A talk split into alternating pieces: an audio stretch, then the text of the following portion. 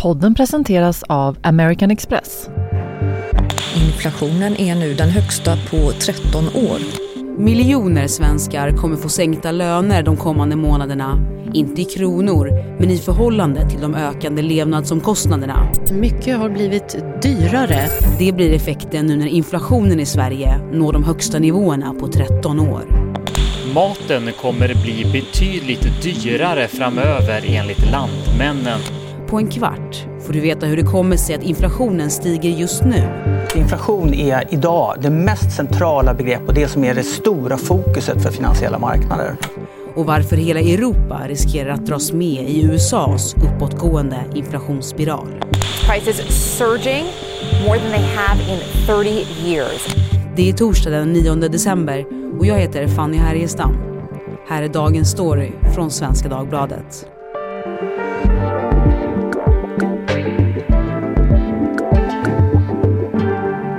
Johan Karlström, reporter på Näringsliv här på SvD. Johan, jag vet ju att du gillar ju penningpolitik. Eh, och vi har ju pratat om det förut här du och jag, det var inte alls särskilt länge sedan. Eh, men jag funderade på, du som ekonomijournalist, vi ska prata om inflation här idag. Vad läser man på någonstans för att hålla koll på inflation som bevakningsområde? Sorry, det tog mig lite på sängen. Vad läser man på någonstans? Uh, ja, nej men uh, man får ju läsa textböcker då helt enkelt för uh, man, man, kan hitta väldigt mycket information på internet. Ehm, där finns mycket pedagogiska videos och, och, texter och sånt där som eh, förklarar negativa och positiva saker med inflation. Det finns ingen särskild sån inflationstidskrift? Nej, det tror jag inte, inte just som handlar om inflationen men däremot om mycket andra, annat om makroekonomi, jobb och, och eh, tillväxt och så vidare. Och inflationen då, eh, alltså när pengar minskar i värde har ju i många år varit låg i Sverige men nu är den på den högsta nivån sedan hösten 2008. Vad är det som har hänt? Ja, alltså egentligen kan man ju säga att det är coronakrisen som har hänt. Och, och, under den här coronakrisen så sjönk priserna först, eller de, de, inflationen uteblev helt och hållet ett tag i Sverige. Eh, men sen efter det då när ekonomin har kommit igång så har då priserna stuckit iväg då i, i takt med att efterfrågan har, har ökat. Och många har ju märkt då till exempel att elen har blivit väldigt, väldigt dyr. Och det finns en, ett antal olika faktorer eh, som, som förklarar då varför elen har blivit så dyr men även bensinpris och så vidare. Så att energipriserna är framförallt det som har stigit under coronakrisen och gjort att inflationen då som du sa är den högsta på 13 år då i Sverige. En rad olika saker ligger bakom inflationsökningen just nu. För det första spenderar vi mer pengar nu igen eftersom pandemirestriktionerna släppt. Och för det andra har inte varutillverkningen helt kommit igång Utbudet är begränsat eftersom många inte är tillbaka på sina fabriksjobb än. There are shortages in almost every kind of product that people want to buy. Högre efterfrågan på begränsat utbud driver upp priserna. Used to buy bacon for 240 a pound. It spiked up to 6 dollars. Dessutom är det brist på containrar som varorna fraktas i. Något som har lett till ökade fraktpriser för företagen. Blame it on the supply chain. För det tredje har många företag haft svårt att hitta ny personal efter pandemin och därför tvingats höja lönerna. Det gör att företagens priser på produkter och tjänster också höjs. En fjärde faktor är energipriserna som ju har ökat. Och så till sist jämförelsetalen från förra året som är låga. Ja, det är förstås corona. Alltså, när covidläget var som värst i början av pandemin ökade inte priserna alls i Sverige. Så när man idag jämför med den tidpunkten ser inflationen väldigt hög ut. Och hur allvarligt är det här? Ja, alltså än så länge kan man säga att det är inte sådär jätteallvarligt. Vi har en inflation på 3 procent. Eh, det är liksom långt ifrån de här nivåerna som vi såg till exempel på 70 80-talet där vi ibland kunde se inflation som var över 10 procent. Eh, men det är klart att stigande elpriser och ett högre bensinpris det känns ju såklart i plånboken hos väldigt mycket människor och inflation betyder ju som sagt det, ju, det, betyder ju att priser ökar, konsumentpriser ökar. Saker och ting blir dyrare och du kan alltså inte köpa lika mycket för, för din lön. Och det gäller ju då kanske speciellt då vissa grupper då som till exempel pensionärer då som lever mycket på sina besparingar och när inflationen ökar då så, så minskar ju värdet på deras besparingar och kan inte köpa lika mycket.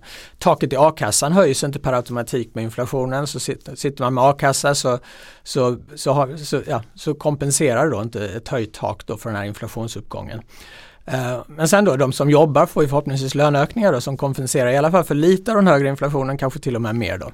Finns det något positivt med den här utvecklingen med högre inflation? Ja, det är ju inte bara besparingarna då som, som minskar i, i värde utan även dina skulder. Eh, som, eh, de som då levde på 80-talet till exempel märkte ju av det här då. Då steg ju lönerna och inflationen väldigt mycket. Eh, och det, eh, det hade ju då sina, fanns ju nackdelar med det då ekonomin gick inte jättebra där ett tag. Eh, speciellt på 70-talet där vi såg något som heter stagflation då där man hade en hög inflation men samtidigt eh, ekonomin gick väldigt, väldigt dåligt. Men, men po det positiva med, med det där då var ju att, att eh, folk som hade lån då, värdet på de här lånen då de blev, det minskade också då så att det var lättare då att beta av sina lån helt enkelt då när du fick stora löneökningar. En annan positiv grej med inflation då, i alla fall enligt textboken då, är att hushållen shoppar mer. Eftersom saker och ting hela tiden blir dyrare så vill man ju då handla innan det blir ännu dyrare och det håller ju då igång liksom de ekonomiska hjulen och är bra för arbetsmarknaden och jobben. Det är inte bara i Sverige vi ser den här utvecklingen. Det har skrivits mycket senaste tiden om hög inflation i USA. Jo men Eller det stämmer, ja men precis. Alltså, i USA har ju, och anledningen till det är att i USA har inflationen varit ännu högre då än på många andra ställen. 6% var den senaste då och då, då, jämför man alltså priserna i, idag jämfört med priserna för ett år, år sedan. Då har de ökat med 6 And no, this is not just about gas prices. If you strip out food and energy, core prices were up by the most since August of 1991. Alltså tre decennier. Och, och, betydligt mer än i Sverige faktiskt där inflationen då bara inom situationstecken var 3% senast. Hur ska man förstå att det är som skillnad då mellan USA och Sverige? Ja, alltså det, det, finns en del skillnader mellan Sveriges och USAs ekonomi eh, och det som då har hänt framförallt då efter coronakrisen eh, och det, i USA då har inte tillräckligt, eh, lika många kommit tillbaks till arbetsmarknaden. Och det har gjort, gjort det svårt för företag att hitta personal och då har de tvingats höja lönerna då. Det driver ju på inflationen. Det är liksom, får du mer pengar i din plånbok så efterfrågar du mer och så går inflationen upp. Um, så, så det är en sak och sen så har ju då hushållen fått sådana här gratis checkar, alltså checkar som har delats ut till hushållen. Då, alltså fått pengar helt enkelt från staten. Och de här pengarna har ju då folk spenderat ofta har man mindre buffertar där, man är lite mer konsumtionsbenägen så, så man, man spenderar de där checkarna och det har då drivit på inflationen. Inflationen påverkar oss som privatpersoner men också som samhälle genom arbetsmarknaden och jobben. En inflationsspiral uppåt innebär att löntagare begär högre löner för att kompensera för den högre inflationen något som leder till att inflationen stiger ännu mer och så vill löntagare ha kompensation för det. Naturligtvis, när, när våra medlemmar ser att inflationen springer iväg så kommer ju den här debatten att komma upp. En sån utveckling såg vi i Sverige på 80-talet.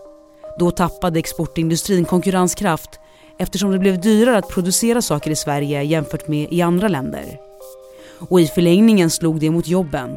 Ja, nästan varenda morgon när man öppnar sin tidning så står det nya rapporter om arbetslöshet och friställningar i landet. Och för hög inflation kan dessutom få centralbanken att höja räntan i ett läge då ekonomin går dåligt. Det stramar åt ekonomin då det ju till exempel blir dyrare att låna. Sverige har ju ett inflationsmål, heter det, 2% och det har sett ut så i över 25 år. Eh, varför behövs ett inflationsmål och varför är det just 2 Ja, men det är, det, är ju, det är Riksbanken då, alltså i vårt fall då, centralbanken som har det här målet och de ska försöka med sin politik, det är deras huvuduppgift att styra inflationen mot 2% Och anledningen till att man har ett mål då är att det, det, skapar en viss stabilitet i ekonomin. Så om Riksbanken då i stort lyckas med sitt uppdrag då att hålla inflationen runt 2 Ja, då, då det, fungerar det som ett ankare i ekonomin. Alltså fack och arbetsgivare vet vad de ska förhålla sig till när de förhandlar löner. Så att till exempel fack då inte begär för stora löneökningar och du får den här spiralen uppåt. Um, investerare vet hur mycket värdet på deras investeringar, vi var inne på det här med besparingar, så investeringar minskar varje år. För det gör de då med inflationen. Så de inte helt plötsligt ett år då överraskas av 10% inflation. Uh, och om de vet vilka spelreglerna är och de, de litar på att Sverige kommer leverera en inflation som, inflation som ligger runt 2 då, då är de mer invest, eh, benägna att investera i Sverige och på så sätt ska, skapa jobb då. Och det är ju såklart bingo då för ekonomin. Men varför vill man att inflationen ska vara 2% varför inte till exempel 0% Då blir ju inte saker dyrare, värdet på personens besparingar minskar inte och så vidare. Det finns ett visst värde i att ha en viss inflation. Jag tror jag var inne på det tidigare. Så att eh, om du har inflation, i alla fall enligt textboken då, så uppmuntrar det till konsumtion då, eftersom saker hela, tiden blir dyrare. Man vill, man vill inte vänta med att handla så att säga, och det är bra. Mycket har att göra med att, att, eh, att man vill undvika res, risken för deflation, det vill säga att priserna faller istället för att de stiger. För har du deflation, ja då blir saker och ting hela tiden billigare eh, och då kanske hushåll skjuter upp sin konsumtion till tidigare, senare. Och då får du inte, då får inte den här efterfrågan i ekonomin då som, som är bra för ekonomin och jobben. Så att eh, det, det, är mycket den här deflationsrisken, att siktar man på 0% så kanske den ibland blir lägre och det, det är inte nödvändigtvis bra då. Så hur oroliga bör vi vanliga svenskar vara nu? Nej, men vi behöver inte vara eh, speciellt oroliga egentligen i, i nuläget. Inflationen är på 3% vilket är inte speciellt långt ifrån målet och i Sverige så målet då på 2 och, och i Sverige så talar det mesta för att inflationen kommer att falla tillbaks nästa år när energipriserna då slutar att öka. Då. För man måste hela tiden komma ihåg att det som jag var inne på tidigare att, att inflationen baserar sig på prisförändringar jämfört med året innan. Så för att inflationen ska fortsätta vara hög, ja, då måste ju priserna hela tiden öka år efter år efter år. Eh, och det är inte så speciellt sannolikt då. Eh, och eh, sen så har vi då nästa avtalsrörelse 2023, då våren 2023 när många fackförbund då förhandlar med sina arbetsgivare.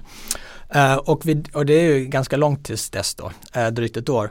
Och uh, antagligen då så har inflationen fallit tillbaka och det minskar ju risken då för att, att fack och löntagare som kommer begära stora löneökningar och minskar risken för den här inflationsspiralen. Och det minskar också risken då för att Riksbanken behöver höja, höja räntan då om man ser det som ett problem då som hushåll. Livsmedelsföretag har ju varnat för ökade priser på råvaror och att det här kan då i förlängningen leda till matinflation. Kom, kommer vi se dyrare mat nu framöver? Ja men det är roligt att du nämner det för jag, jag pratade precis med en ekonom om det. Han, han beskrev då 2021 då som året då inflationen drevs på av energipriser men att nästa år kommer, vara, kommer det vara mer alltså andra saker som kläder och livsmedel då som kommer att driva på inflationen då.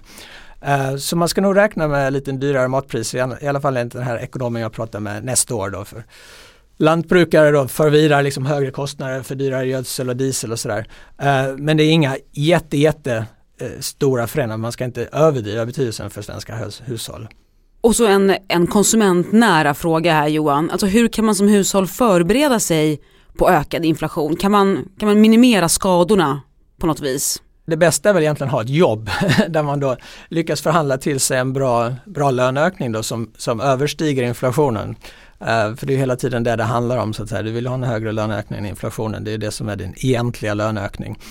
Uh, men sen kanske, nu, nu, ska jag inte ge några råd om hur man ska göra på aktiemarknaden eh, för det vet jag, vet jag inte. Men, men historiskt i alla fall så kan man konstatera nu då att att det senaste året så har, ju, har, du inte fått speciellt bra avkastning på, på ditt, ditt sparkonto till exempel. Men däremot om du har varit på aktiemarknaden då så har du ju mer än, kunnat mer än, än kompensera då för den här inflationsuppgången då eftersom börsen har gått så bra. Tack Johan Karlström för att du var med i Dagens Story. Tack. Venedig, Alperna, Lissabon. Drömmer du också om att resa bort? Med SAS Amex Classic förvandlas dina kortköp till resor och du reser två för en i hela Europa. Ansöker du om SAS Amex Classic nu får du ett presentkort på 2000 kronor till din nästa resa med SAS. För att ta del av förmåner som presentkort och två för en-resan behöver satta villkor uppfyllas. SAS Amex Classic har upp till 55 dagars räntefri kredit. Effektiva räntan är 18,10% vid utnyttjad kredit om 95 000 kronor per år. Den totala kostnaden är 110 021 kronor. Dagens avsnitt klipptes av Lasse Edfast, redaktör Teresa Stenle von Matern och jag heter Fanny Härgestam. Klippen idag kom från SR, SVT, CNN, PBS och CBS.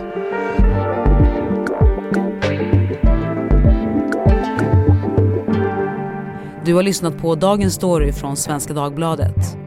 Vill du kontakta oss så mejla till dagensstory.svd.se.